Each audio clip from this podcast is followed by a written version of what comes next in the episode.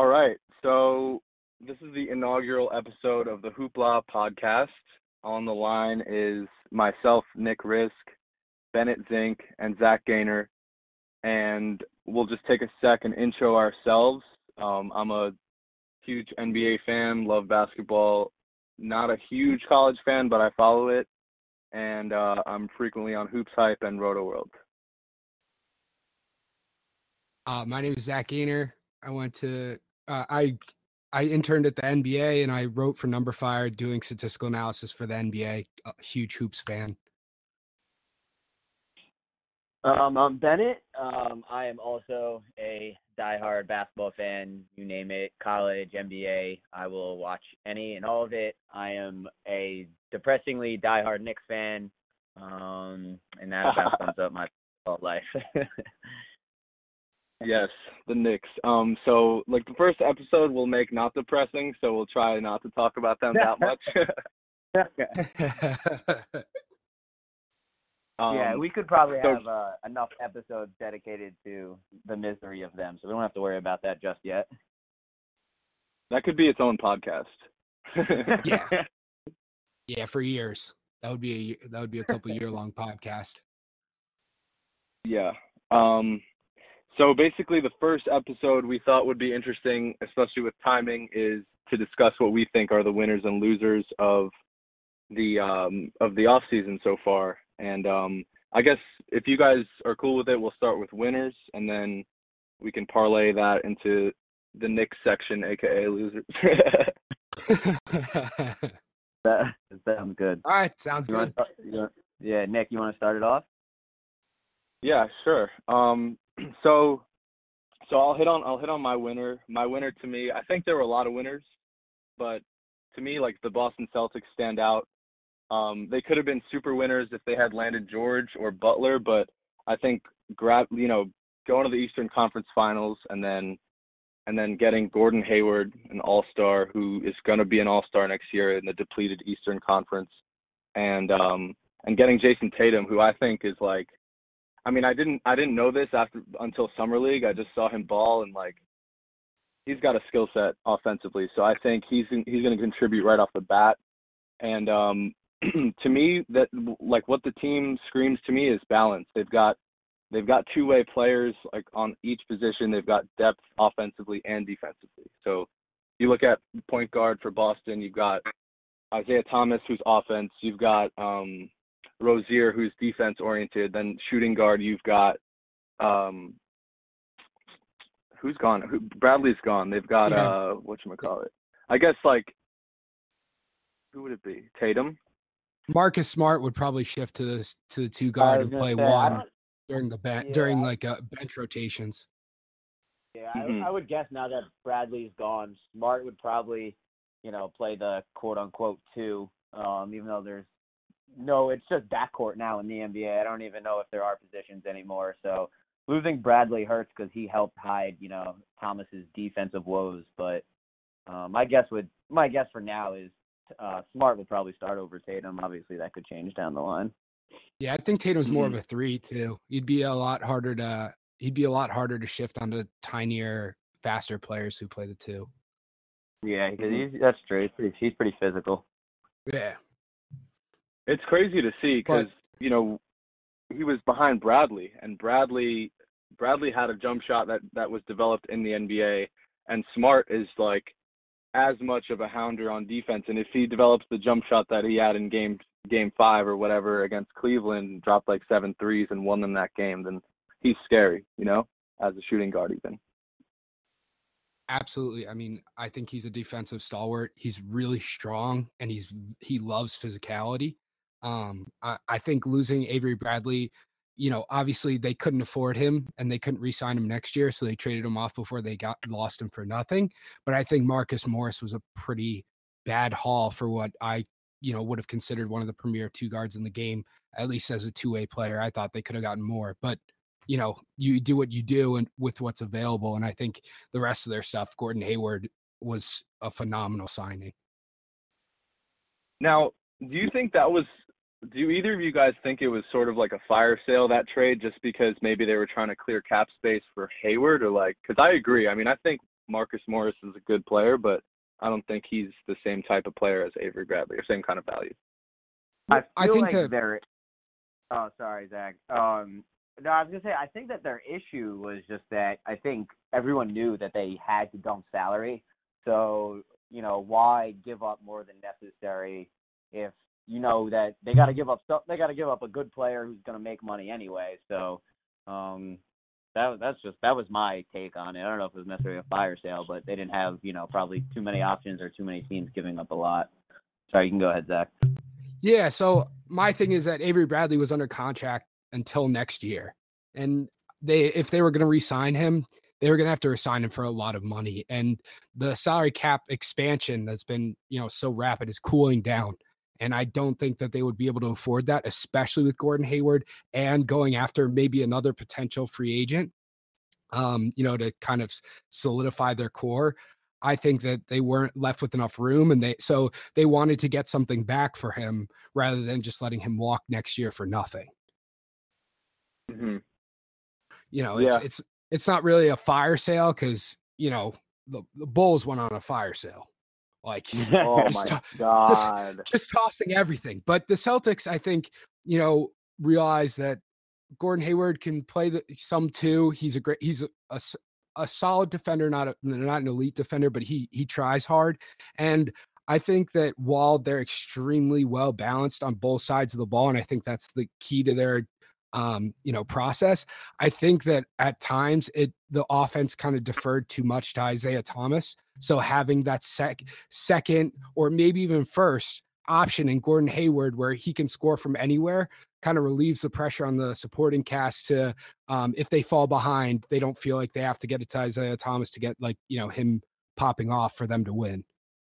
Yeah, I think yeah. they were yeah. so they're so good defensively that I think they, you know, put that lineup out there that, you know, besides for Thomas, you know, they had, I think I remember reading an article way back, you know, they called it like the all defensive death team because they were unbelievable, you know, one through five defensively, but no one could score. So even when you put Thomas on the floor, you know, Jae Crowder's no threat offensively. Marcus Smart's no threat offensively. Even Horford, you know, he's he's still limited. You know, he's got a nice, you know, face up game for a you know a stretch five in a sense, but he's you know he's not someone you're really worried about. Gordon Hayward definitely gives you that uh that second player that you know could give them a nice uh nice second option and probably even a first option at times.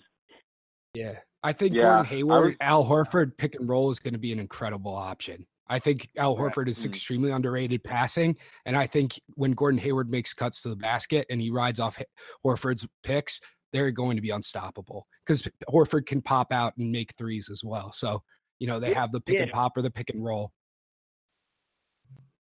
Yeah, I mean, it's not just, I totally agree with that. I also want to say that, like, Horford is sort of underrated in my book. I know he's getting a max contract, but, like, it's the intangibles. For example, you know, his he's probably like a league leader in hockey assists, if that were a metric. And he, he's a great passer.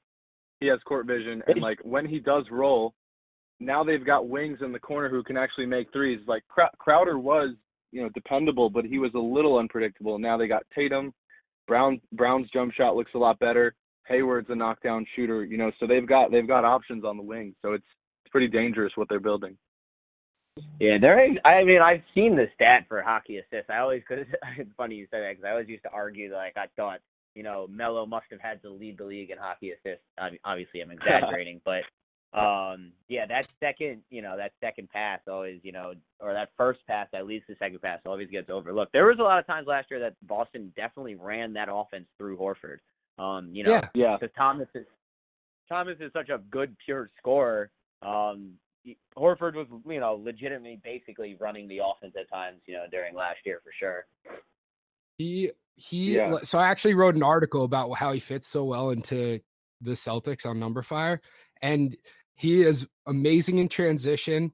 He's amazing uh, right by the basket. He's amazing in pick and roll situations, and he's a decent three point threat at, from a five. I think if you got a true center in Boston, you could shift him to a four, and he'd play. I think better, eh, not having to be manhandled by big centers every game, but I think that he's a glue guy. He's like Paul Millsap too, where they're underrated because their stats suffer because they don't have to take on the majority of the roles. And because of that, they don't get the recognition they deserve. Mm-hmm. Yeah, that's a good point. I think another good point you made earlier, Zach, was like everyone made a big deal about Isaiah Thomas being this amazing fourth quarter scorer, and like kudos to him. I'm not knocking anything, but that goes to show that he needed to drop those points in the fourth quarter, which means that they were at a deficit in the fourth quarter. And so having Hayward there, I, I could see I could see a drop off in in points for for Thomas, not just because they have another like perennial All Star on the team, but because they won't need to get in those situations where they'll need to drop like 18 points in the fourth to win the game. Right. Right. Mm. And I, I think that the Celtics, I mean, with all, and we'll get to this in my loser section, but the Celtics are only benefiting from kind of the collapse of the East. Like, just definitely tremendous void there. So they, uh, they can definitely fill it up. Brad Stevens is a brilliant coach. Finally got his playoff chops and winning us, and then winning a series against the Wizards, and uh, you know against a, a good team in the Wizards, not just you know first round. And I think he's I think he's really gonna you know, take that team to new heights, especially with Gordon Hayward. Mm-hmm. Yeah, I mean, so in wrapping up for me, that's that's my winner. I think I think they're going to be back. You know, I could easily see them in the finals. So to me, I think the winner is the Boston Celtics and um, of the offseason so far. And so I, I, out of winners, there's a few winners, and like I'm curious to see what you guys picked, but uh, I think Boston made it out pretty well. Agreed. You want to go next, Bennett? Uh, sure, if you want me to. Um, yeah, go ahead. My winner, yeah, my winner for the off season, I have the Rockets. Um, I couldn't decide. I mean, well, I I was texting Nick before, and I originally was like, "Can I just make my winners the West and the, my the losers the East?" Um, it, it is so unbelievable what the Western Conference is going to look like um, it's like mind-boggling. But if I had to pick one team, I was debating between the Rockets and the Warriors, just because the rich keep getting richer. Um, I I legitimately think that the Rockets, once they kind of figure out, um, you know, sharing the ball between Chris Paul and James Harden, they are going to be um, better than they were last year, and they're going to give you know the Warriors you know more fits than I think people realize. Um, I I think that's something that gets you know overlooked. You know, people are like, oh, why would you move James Harden off the ball? He was so successful last year. And I think uh, first off, you're getting Chris Paul. I mean, how could you ever say no to that? But I think people also forget, although it was like years ago now, is how effective he was in Oklahoma City. You know, playing off the ball. You know, as a slasher. Um, you know, as a spot up shooter. I mean, he is he's top three offensively in the game, and now you're letting him, you know, not have to handle the ball every single time down the floor, and you're putting it in Chris Paul's hands. That and and on top of all that, D'Antoni's that coach. I mean, I know he is uh he's not everyone's favorite. I'm sure people have mixed opinions on him. Um Nick's but legend. I mean yeah, absolutely. Um, but he is an offensive genius, and you saw what he did with James Harden, and now you just got him, you know, the best point guard in the game. And I, you know, the other the other piece that I thought that was huge for their offseason was signing PJ Tucker. Obviously, if you're going to trade Patrick Beverley, yep. you're going to lose that defensive prowess. Um, you know, Chris Paul is still really, really good defensively. Um, you know, picking up PJ Tucker because obviously you're going to need someone to play defense behind Harden, but he's so versatile. You know, defensively, he can guard two threes, and you know, I, I'm sure at times even some stretch fours. Um, they uh, they didn't trade Ryan Anderson. Um, I know there was always talks of you know losing him, um, whether it was for Melo or you know whatever the case was. Um, but I just thought that overall the Chris Paul move was great. Getting PJ Tucker was great. Um, keeping Nene was huge. Um, they're gonna be they're gonna be a ton of fun to watch for sure. And I just uh, I think they are definitely one of the top winners of the offseason too. They got Troy Williams too. He's he like I've just seen yeah. some highlights of him, and he looks like a he's good a wing player. Shooter. Yeah, he's a lights out shooter. Um, just I mean they uh, they went. Yeah, what are you gonna say? Well, I mean, I could just jump in and say the uh, fun fact about the thing, Rockets. oh, uh, they're the sorry. only team in NBA history to have. Oh, sorry, I think there was a lag. You can go though. What, what was the fun fact?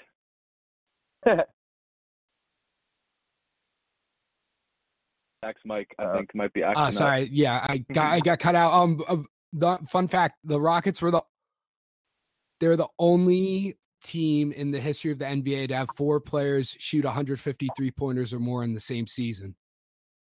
Mm-hmm. Last year, Damn. so yeah.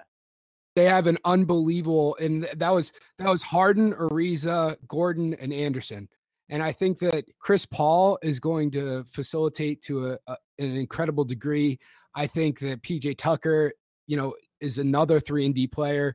Um, the only thing I'm even worried about with the Rockets is whether or not Chris Paul and J- James Harden can mesh because Chris Paul is definitely known as a hard ass. And I think he'll bring that defensive intensity that the Rockets need. And I think he'll make sure he'll he'll yell at people if they're not playing on defense. But I think it might rub Harden the wrong way. And I just hope they kind of mesh together. Yeah, I definitely I mean, hope I, it works out. Oh no, go ahead, Nick.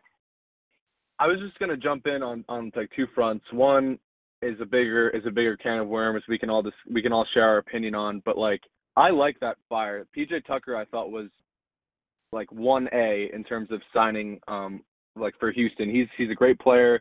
He brings energy, and he do- also just doesn't accept like 50% basketball. And and James Harden has been known to not play defense sometimes. So I like that fuel on the fire. Um, what I was gonna say earlier was everyone's making a big deal about fit. Everyone's saying, "Oh, you've got two ball dominant players. You had one who had his the best season of his career on the ball. Why are you moving him off?" And talent is at such a premium right now, so you get whoever you can get. And I think it was a great great acquisition, obviously, because it's Chris Paul. I also think that something that people aren't looking at is Harden moving off the ball. He set the league record in turnovers by a very large margin. Yes, he was super yeah. effective as the point guard, but you want someone who Great turns point. over the ball less. And Chris Paul is that guy. He's more conservative. And I think that James Harden can still be part of that offense to facilitate, but he doesn't need to dribble up the ball every single time. And I think that'll take away from his turnovers. And I think it'll just help his game more. Yeah, definitely for, for sure. sure. I, I, him, you know, his people were like, "Oh, his turnover numbers are god awful," and I was like, "Yeah, I mean, he does literally take the ball up the floor every single time. I mean, his usage numbers are wild. Um, but you know, that's D'Antoni's offense, and you know, you saw what you know, you you just see what he's done with guys like Raymond Felton and like all these, you know, average point guards in the NBA, and then you know, you give him someone with the talent of like Steve Nash or James Harden, and you literally are giving him the best point guard we've probably seen in, you know, our generation. It's it's just gonna be. I think it's gonna be great to watch. Um, the point guard. The yeah, for real. He is the point guard whisperer for for real. Um, but it's it's gonna be fun to watch, and I'm excited to see how they do make it work and how they make it mesh. Absolutely. Absolutely. All right, Zach, you're up. So I got I had two people tied for this one. I really and and it's kind of conditional because if one thing happens, I think one, I'll pick the second team over the first. But for right now, my winner is the Minnesota Timberwolves. Um, you know, they got they got Jimmy Butler in a trade without giving up that much for him. You know, Zach LaVine's coming off that ACL tear. Who really knows?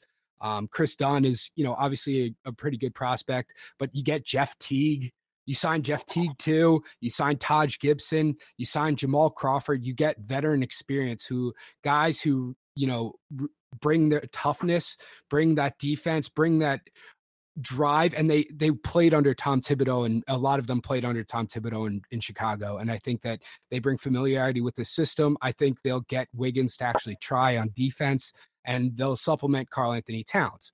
My second one is the Thunder. And I don't know how they got away with the robbery that was Victor Oladipo and Domantas Sabonis for Paul George. Um, unbelievable. Like I, I, was shocked. I'm a Thunder fan, so um, mind-boggling. Mind-boggling. Like it, it made my year um, because Kevin Durant destroyed mine last year. Um, but he, you know, you get two players who are, you know, they, they have upside, but you get Paul George, who's a solid two way player. You sign Patrick Patterson, who's a three point shooter, is which is exactly for what nothing. you need for nothing. For nothing. I mean, he and he he really suffered from an inflated free agent market last year, but you know they got him for a steal. Raymond Felton's a you know, I, am not excited about Raymond Felton, but Raymond Felton's fine for being a backup point guard. And I think that you know they they're probably not done. And I think that Russell Westbrook is gonna is not gonna average a triple double, and he'll probably reduce points.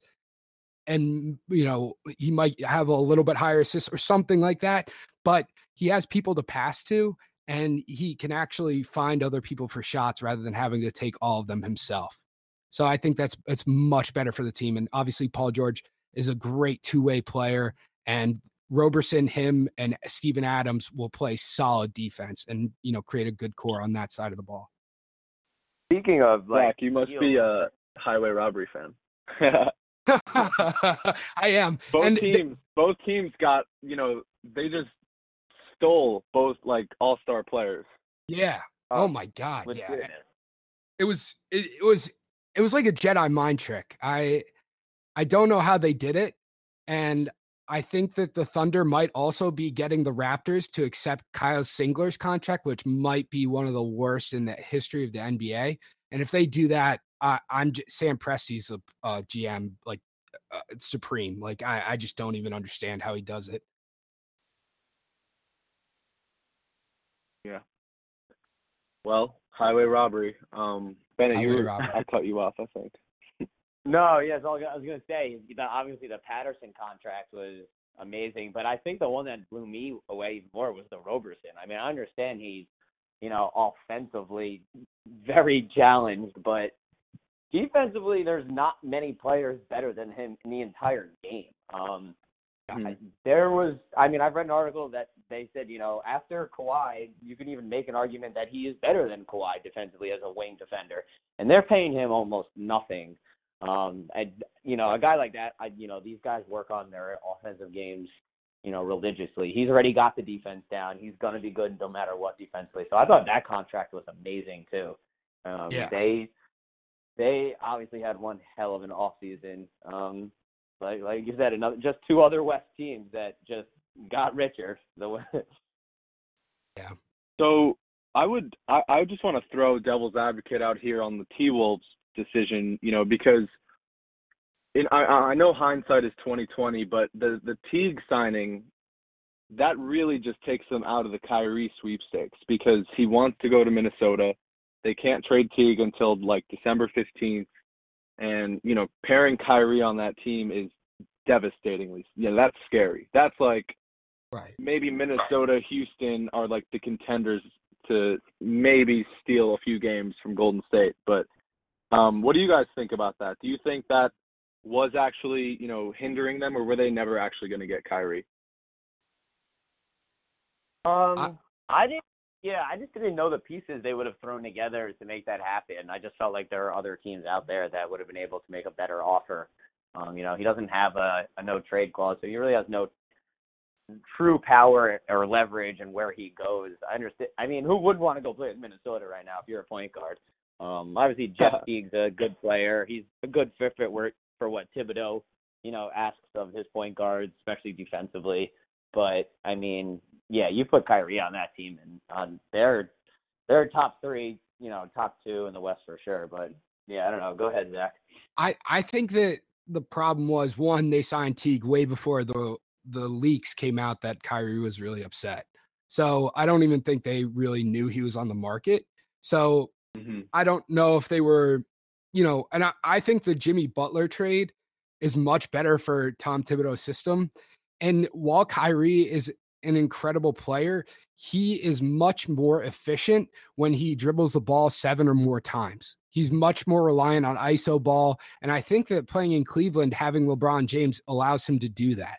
And I, I don't see him fitting into Thibodeau's system as much because it's much more of a balanced attack. And I think he would need the ball way, way more than necessary. And I, I think they'd be amazing. Obviously, Kyrie is a, is a great point guard, but his usage rate is astronomical. And I think that it might it might hinder the growth of an Andrew Wiggins or a Karl-Anthony Towns. Hmm. Yeah, I mean, it's tough to say. You know, Kyrie, the mindset. I, I, I sat down. and I was like, why is he doing this? He's next to the greatest player. He, you know, they went to the finals, and then I hit on it. I was like, he he he plays next to the greatest player or top three greatest players ever, and he just didn't want to be Pippen. He didn't want to be Pippen. He wanted to. He wants to be Jordan. He thinks he can be Jordan, or at least some sliver of that. And he thinks going somewhere else, he'd rather be 75% Jordan than 100% Pippen. And so, you know, uh, I get not it. To, uh, not to cut you off, but uh, I think you want to go for Kobe. He says he does. He channels his inner Mamba mentality. But continue. but Kobe wants to be Jordan, so like he's uh, like too removed from Jordan. I think. I um, think that the biggest problem with Kyrie was that LeBron's not committed to Cleveland. So when Le- LeBron could leave next year and leave him in the lurch, and he's back on the Cavs team that's significantly better than when LeBron left the first time, but still devoid of uh, of a lot of pieces because it's all built about, around LeBron. So you have this, and, and LeBron's not willing to commit to a long term contract. And I think that while yes, I think he he thinks he could be the number one, and I, I honestly don't know if that's the, the, you know he could be a full number one. Um, but I I think also he doesn't want to be put in a spot in Cleveland where it's going to be harder to attract other free agents once LeBron leaves and and he might be he'd be stuck on that team for two, you know a year after LeBron left and with his injury history you never know I think he just wants to go to a place where there's more um, more stability mm-hmm. yeah I mean I think I think we can have a maybe episode 2 should just be the Kyrie sweepstakes the whole saga but um it's it's an interesting situation there's a lot of yeah, a lot of different angles, a lot of different motives around it. Yeah, uh, interesting. Yeah, definitely all pretty wild how this is how it's going to shake out over the next month or two. I kind of not to get off too far off topic, like you said, we can probably dive into this another time. But just really quickly, I I wouldn't be surprised if they go into training camp and he's still on that team, and things are just extremely walk, awkward until that the deadline comes around. So we'll see how it plays out, though. I'm kind of hoping for that. I love awkward. it's it's funny. Um, They're actually my losers. The Cavs are my losers for the offseason. They are my biggest jump losers. into it. Let's yeah. let's reverse the order. That's what I. Kick that's what off, I figured. Yeah. It just makes sense. Um. So my my biggest losers were the Cavs, and I think that one of the biggest things was they got rid of David Griffin, who helped architect this team. You know, turned Dion Waiters and Iman Shumpert and J.R. Smith. You know, he got rid of Mozgov like at the very best time. Like he just didn't re-sign him. Um, you know, re-signed Tristan Thompson, cr- created a core around the Cavaliers that you know was a championship contending team, and now he's gone.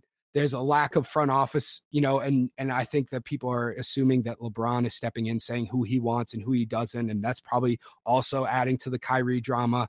They I think they actually it, it, the whole Kyrie drama is terrible because it le- the leak devalued his value to be traded, and so they basically shot themselves in the foot by saying he wanted to leave out loud.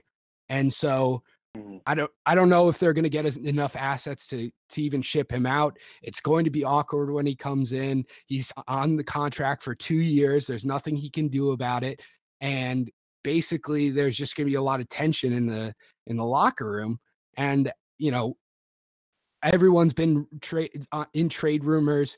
The team's just so much up in the air and there's no stability there that i think that they went from like obviously the supreme contender in the east to i i could see the celtics surpassing them. I mean I, I'm just I'm I'm curious, you know, because like usually when you sign a contract, it's like I'm here, and the NBA out of all the all the other professional sports leagues is such a players league. It's such you know without the players, nothing. They're not right. they're not irreplaceable next man up like football or even baseball. They they don't have a farm system. You know, it's it's 12 guys. 12 guys, five guys on the floor, three guys that really, really, really matter in terms of the, the genetic makeup of your team. And right. so that leverage is dangerous and we're witnessing it now. You know, so I kind of like this because I'm curious to see what the changes are in terms of how do they do the checks and balances to make sure that the players do get what they want, but in this fashion, it's just changing the balance of the league. Obviously, you see the Western Conference on a different level in the Eastern Conference, just purely different level. Very much so. Yeah, I'm. Uh, yeah, no, I, uh, I'm, I'm shocked by the whole thing. Um, I know there was, you know, I really do think, yeah, obviously the whole downfall started with Griffin leaving. Um, I have, I'll never understand, you know, some of these owners across all these sports. Like, uh, obviously, you helped this guy literally helped turn your entire franchise around. Obviously, getting LeBron is, you know, a nice piece of it, but you know, it, there's a lot more that goes into it behind the scenes that people don't even realize. And he obviously, you know, like you said, Zach helped orchestrate that entire team and put that entire team together. And just let him go like it's nothing. Like if LeBron wasn't worried before, he's gonna be worried now. And if Kyrie was worried that LeBron was worried, well, now you know why he's, you know, trying to get the hell out of there. So yeah. it's they're they're definitely a mess for sure. Um, they have a lot of you know ugly contracts on that team. Um, and, you know, obviously Tristan Thompson's a good player. Um, but that contract's crazy. Shumpert's contract is out of control. So they're gonna they, they have a mess for sure. But um I guess, you know, as long as LeBron's staying for now, um I guess they'll it'll make it work somehow. I mean, I, Thompson's I contract is good. I don't I just I agree with Bennett. I I see all those contracts and I see glue contracts. Those are just pasted together. Let's let's keep LeBron happy. Let's keep his shooter J.R. Smith. Let's keep his his big man Tristan Thompson. You know, Shumpert's. I'm a Shumpert fan actually. I think he gets a lot of knock because he's on a spotlight team and he's not a shooter, and you're gonna get that that pressure. But I think in terms of, I, I see him defensively on the on the Roberson level, and he's only making a mill more than Roberson. So to me, I you know I agree. I think it's just mind games everywhere in Cleveland right now. Yeah, I mean, yeah. Oh no, go ahead, Zach. I I just you know I think Tristan Thompson is like Dennis Rodman and Michael Jordan. You know, he's a rebounder and he plays solid defense. And there there are all these role players that fit their role perfectly. Right? They're the fourth option. They're a three point shooter. They're you know X, Y, and Z. And obviously after Kyrie, Kevin, and Kevin Love and LeBron, those are the guys you fill the team with. And I think that the contracts are bigger than they should be, but I think that they gelled so well as a team in their finals runs that it was a good con it was a good construct at the time. But Dan Gilbert never resigns GMs and he doesn't have that continuity. And I think that that instability of the franchise is just contributing to all this craziness. Yeah. Unstable times. Good good loser, Zach. Thank you. All right, Nick, you wanna go next? Sure, sure. I'll jump in. I mean, so I think the theme of of picking a loser is just like what stayed the same because like regressing you're clearly a loser but like if you don't make moves in in today's nba you lost and my loser is the toronto raptors because i know they re-signed lowry and whatever. But you let Patterson walk. He got a he he's getting paid nothing by the Thunder. He's a, he's a good big man who can shoot threes. I don't think their nucleus is fit for winning. I mean, even in the Eastern Conference, it's crazy. But DeRozan is is is a '90s player. He can't shoot threes. Lowry Lowry is good, but I don't know. I think I think they clearly wasn't working. They tried to get to the Eastern Conference Finals they got swept. They got destroyed by Cleveland. And to me, it just seems like they haven't made any moves. You know, they re-signed their guys, but my my thought was if they blew this up, they would have had a better offseason if they traded DeRozan away, if they let Lowry walk, rebuild. I, I mean, I don't even like Valanciunas, honestly. I think he he just stays the same. He hasn't improved in two years. Um, so to me, I think that whole core is messed up. I'm not a fan of the Raptors team. I would have loved if Masai Ujiri left and came to the Knicks, but whatever. Um, so to me, they're they're my loser just because I don't agree with the core that they like consistently keep around, and I think they should blow it up. Yeah, I, I um. Oh no, go ahead, Zach. Sorry. No, it's okay. I, I mean, I, I think that's completely fair. I think they had to ship DeMarre Carroll off to get to get a tax relief, and they had to ship off a first and a second round pick and waive the player they got. And you know they they let PJ Tucker go to the the Rockets and agree. Valanciunas has not improved. There's high, uh, huge questions about his work ethic, and while you know you just I don't I think if Durant, Westbrook, and Ibaka is not a good enough core. Lowry, DeRozan, and Ibaka is definitely Ibaka much later in his career when he's you know not as good of a rim protector and you know kind of slot got a little bit worse on threes. I, I that's just not a core you can contend with. And and the whole team, honestly, their theme like they just breathe poor shot selection. Every shot I see, even if it goes in with Lowry, it's like this fadeaway shot clock almost shot clock violation like goes in at the buzzer. I think I think like you said, Ibaka shoots way too many threes. DeRozan's a good player. He's just he's in the wrong era. So it's just yeah, to me, I think it's a weird team. Yeah.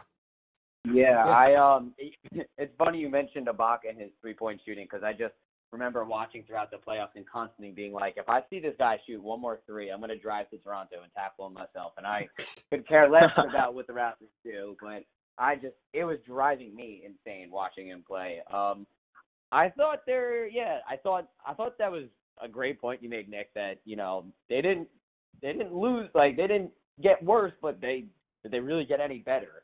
Um, they added C.J. Miles, which was you know a nice pickup, I guess. And ditching DeMarre Carroll was, you know, probably the best thing they did getting rid of that contract. But right. you know, you know, losing a guy mm. like Lowry for nothing, you know, hurts. And they did give up, um, you know, Terrence Jones and a few pieces for Ibaka. So I feel like keeping him was important. At least it was only three year deals though. They weren't like five year deals, you know, too long term. So they can still um rebuild, you know, within three years. You know, DeRozan's young, Lowry's not that old.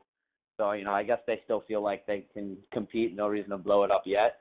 Um, but, you know, time will tell. I don't see them being any better than, you know, a, you know, five, four seed, you know, in the East. And the East is pretty weak, but, you know, maybe maybe they get to the three seed. But um I don't yeah. mean I don't think they're they're not scaring Cleveland or Boston by any means. No. Yeah. I, I was just gonna jump in and say really, Zach, I think Cleveland is the loser because because they they move the they move the needle. You know, so if they're worse, then yep. everyone has a better chance to make the finals. So to me, I mean, the only rationality I have out of the Raptors potentially making noise and and when I call them a loser, you know, I'm not saying that they're going to win 16 games. They they could very well, you know, be another high seed. It's just that will they actually make the finals? Will they make that jump from the first round to the Eastern Conference Finals. Um, so, yeah, I mean, to me, it's well, we got to see how this Cleveland situation plays out. And there's teams in limbo in the East that are like, let's just gear up. We have nothing to lose. We have too much talent to tank, but we're not good enough to win. So let's just gear up anyway. And and we, you know, at least from a marketing standpoint, Lowry and DeRozan are best friends, and like we've got all that going, Drake and all that. right. No, at least they have each other.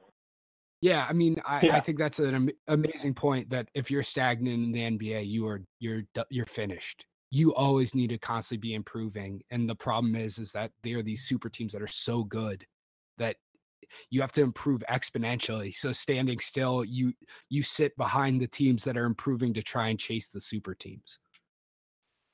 Mm-hmm. Yeah, so that's that's my loser, Bennett. Let's hear yours. Um, so I kind of debated between two of them. Uh, we kind of touched on the one I ended up picking was the Pacers. Um, the other one I was also debating was the Heat as well. I'll, I'll get into them in a second, but um, obviously, Zach, you had the Thunder as your winner, so it only makes sense basically that the Pacers were a loser this offseason. Um, I, not only was I like floored when I saw that trade go down, um, the Paul George trade, obviously. I the return was just so minimal, and if you were to get Oladipo's contract back, which is still four years, eighty-four million dollars. He's still he's making twenty-one million dollars the next three years. Insane. Um, that like the fact that that's what they were willing to take back. Uh, I just I couldn't believe it. Um, and you know, Demont- Demontis Sabonis, I think that's his first name. Um, Yeah. he's a good player. You know, he's obviously you know just coming off his rookie year. But I just I couldn't believe that with after especially after with all the rumors that came out afterwards, what Boston was willing to give them, you know, like two or three picks and their choice between, you know, Bradley, Marcus Smart. I mean, I'd probably take Marcus Smart and uh Avery Bradley, you know, either one of them and two picks over Oladipo, you know, any day of the week. Like Any that's day. It's just it was I could not believe that that was the trade they ended up going with. I mean, I guarantee there was about three other four other teams that you know proposed to trade to them that had to be better than that. There's no way that you know whoever it was you know offering a trade couldn't beat that. Um, so the Pacers, you know, they're you know losing Teague sucks. Um, you know, I guess if you know you're going to lose George and you want to rebuild, fine. But I mean, to not even get a draft pick out of it, not even a, a future first. I mean, it, I couldn't believe it. So they uh, they honestly might have been better off just letting him walk for nothing, you know, because like I said, then you take on Oladipo's twenty million dollar contract. If you're rebuilding, I don't know if he's the piece you want to be building around for the next three or four years. Um, so I, I didn't. I just I couldn't have been more confused by that um, that off season move by them. Um, everything was confusing, and then I uh, I went with the Heat, um, and it kind of tied into your point uh, before Nick about it. I, and Zach, you know, if you're not, you know, if you're not getting worse, like you know, why are you gonna shell out all this money to, you know, quote unquote get better? I mean, they put. I, I remember I looked it up because I had to make sure they put 160 million dollars in James Johnson, Kelly Olynyk, and, De- and Dion Waiters for the next four years. Yep. Um, I, uh, you know, they had that wild second half last year, but I just, I, I, I just don't know. Like, what do you even think about like that kind of money? Like, I mean, there were some bad contracts obviously the last two years, but I mean, I don't really know if this really makes Miami any better. Um, just shelling out that kind of money. I mean, they're kind of like that team like Toronto. I feel like even if they're going to be competing for the playoffs, they're kind of stuck in purgatory. You know, they got they got Dragic, you know, they got Whiteside, but um, I don't really know how much better this makes them. You know, maybe you know they'll be fighting, you know, for like that four or five seed too, if all goes well. But even that, um, you know, iffy about. You know, Spoelstra's a great great coach and all, but uh, who knows? I mean, I know Kyrie mentioned they being one of the teams going there. Getting him would be good for them, obviously. But uh, yeah, I don't know. Those two teams for sure perplexed me the most. I, I would I would sorry, Zach, you go. no, you go ahead. You go ahead, Nick. All right, all right, I'll jump in. I mean, to me, the Miami the Miami argument really, really hinges on if you thought the second half of last year was a fluke or not. To me, um, I like the camaraderie. I like I like the, the core that they put together was built around defense. They had some some players who could ball. Dragic, I think, is still a really good point guard. I like their I like Tyler Johnson. I I was also mind boggled by some of the signings, but um, to me, there were bigger losers. Like I think, like you said, you hit it right on the head with the Pacers. Why are you taking on that contract? You're going nowhere for the next three, four years, and you're taking on a guy who's severely overpaid, and you got nothing in return to build for the future from from PG, who's you know, when he's on, he's top top 12 player in the league. So that was that was mind boggling. Um, I think all the blockbuster trades were mind boggling this offseason. It goes to show how again how much leverage the players have. All they need to do is speak up. Once you speak up, your value shot down. So Yeah. to me, um, I, I I get the perplexity around the signings of the Miami Heat, but the Pacers are a much bigger loser because they got nothing out of an amazing player. Yeah, I mean, obviously the Thunder being my winner, I thought that the Pacers got robbed. I thought that there were a ton of better, um, you know, deals on the table, and I think one of the reasons uh, they didn't was because all the turmoil in in the Cavs organization was one of the reasons Paul George didn't go to Cleveland. I think that David Griffin not resigning, he had a deal lined up, but they mm-hmm. let it, mm-hmm. you know, falter once once he left. And I think that um I, I don't know what Kevin Pritchard was thinking. He just kind of bit the bullet on a on a deal that didn't make sense. Like it should have included at least draft picks or things that you could rebuild with. Um, but I think the Pacers were more losers. But I do think that Pat Riley kind of drank the Kool Aid on Kelly Olynyk's Game Seven against the Wizards.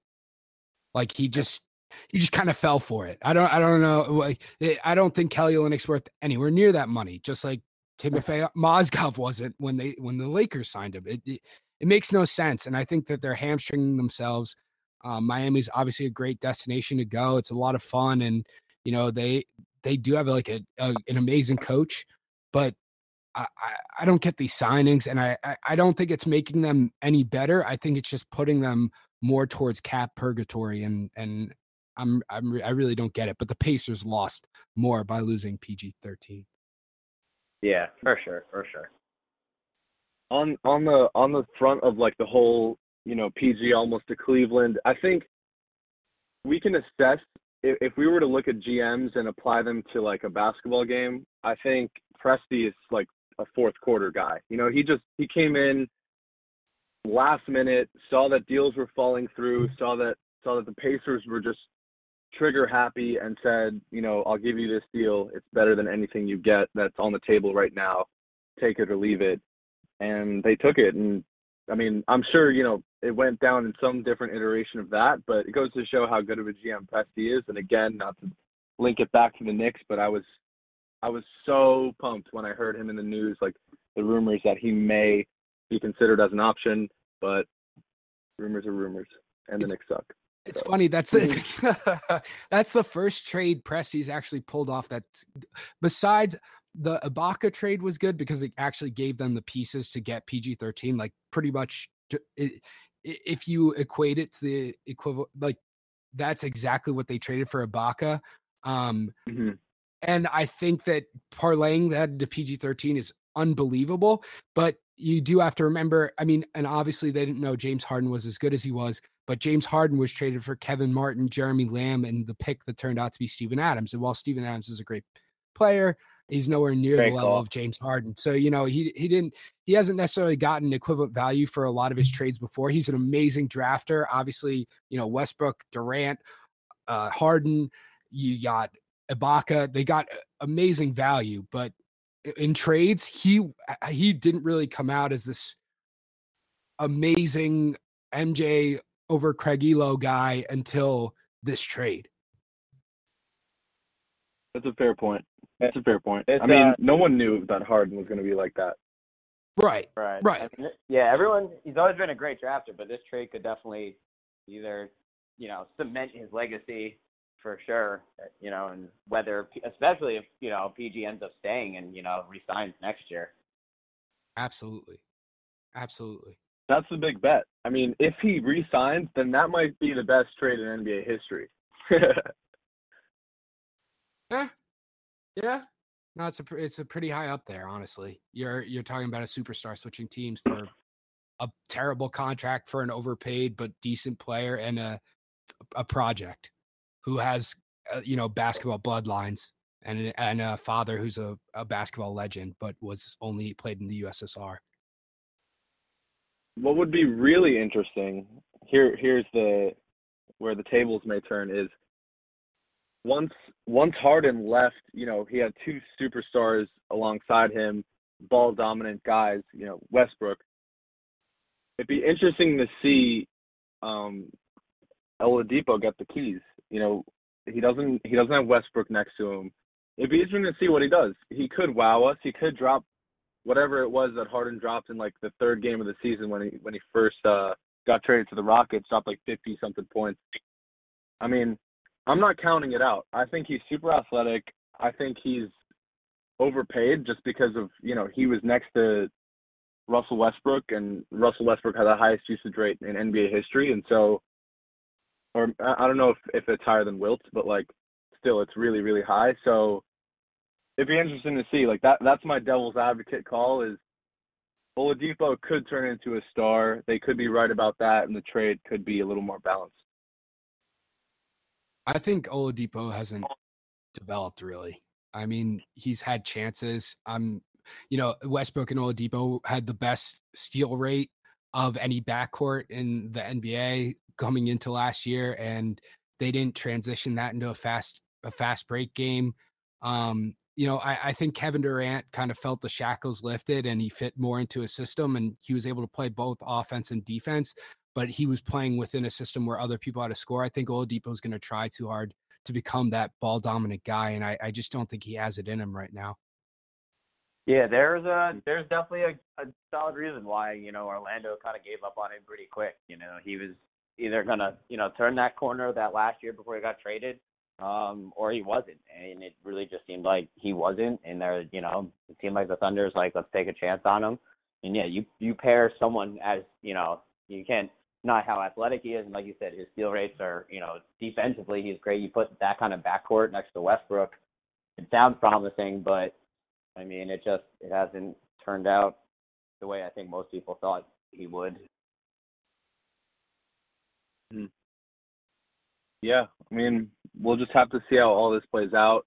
The Eastern Conference is a crapshoot right now, so we could be looking at a totally different picture come April. So, but I, I think I think all the winners and losers are spot on. Um, there were some ro- highway robberies in the off season um, that took place, but um, I think yeah, I mean, I'd be interested to see what happens. I really hope someone makes that leap and, and takes down Cleveland and maybe maybe takes down Golden State, which is not happening. But yeah, um, really really interesting off season. Definitely. All right, guys. Well, it's been fun. Yeah. Damn, an hour passed. I ain't not even not even check the clock. Wow. How long we do? Yeah. Hour hour and six seconds right now. So yeah, I mean, I think oh. great first podcast, and let's share it with the crew. Hell yeah! Very nice. Awesome. Awesome, guys. All right, I'll talk to you guys later. All right, talk to you later. All right, see you guys later. Peace. We out.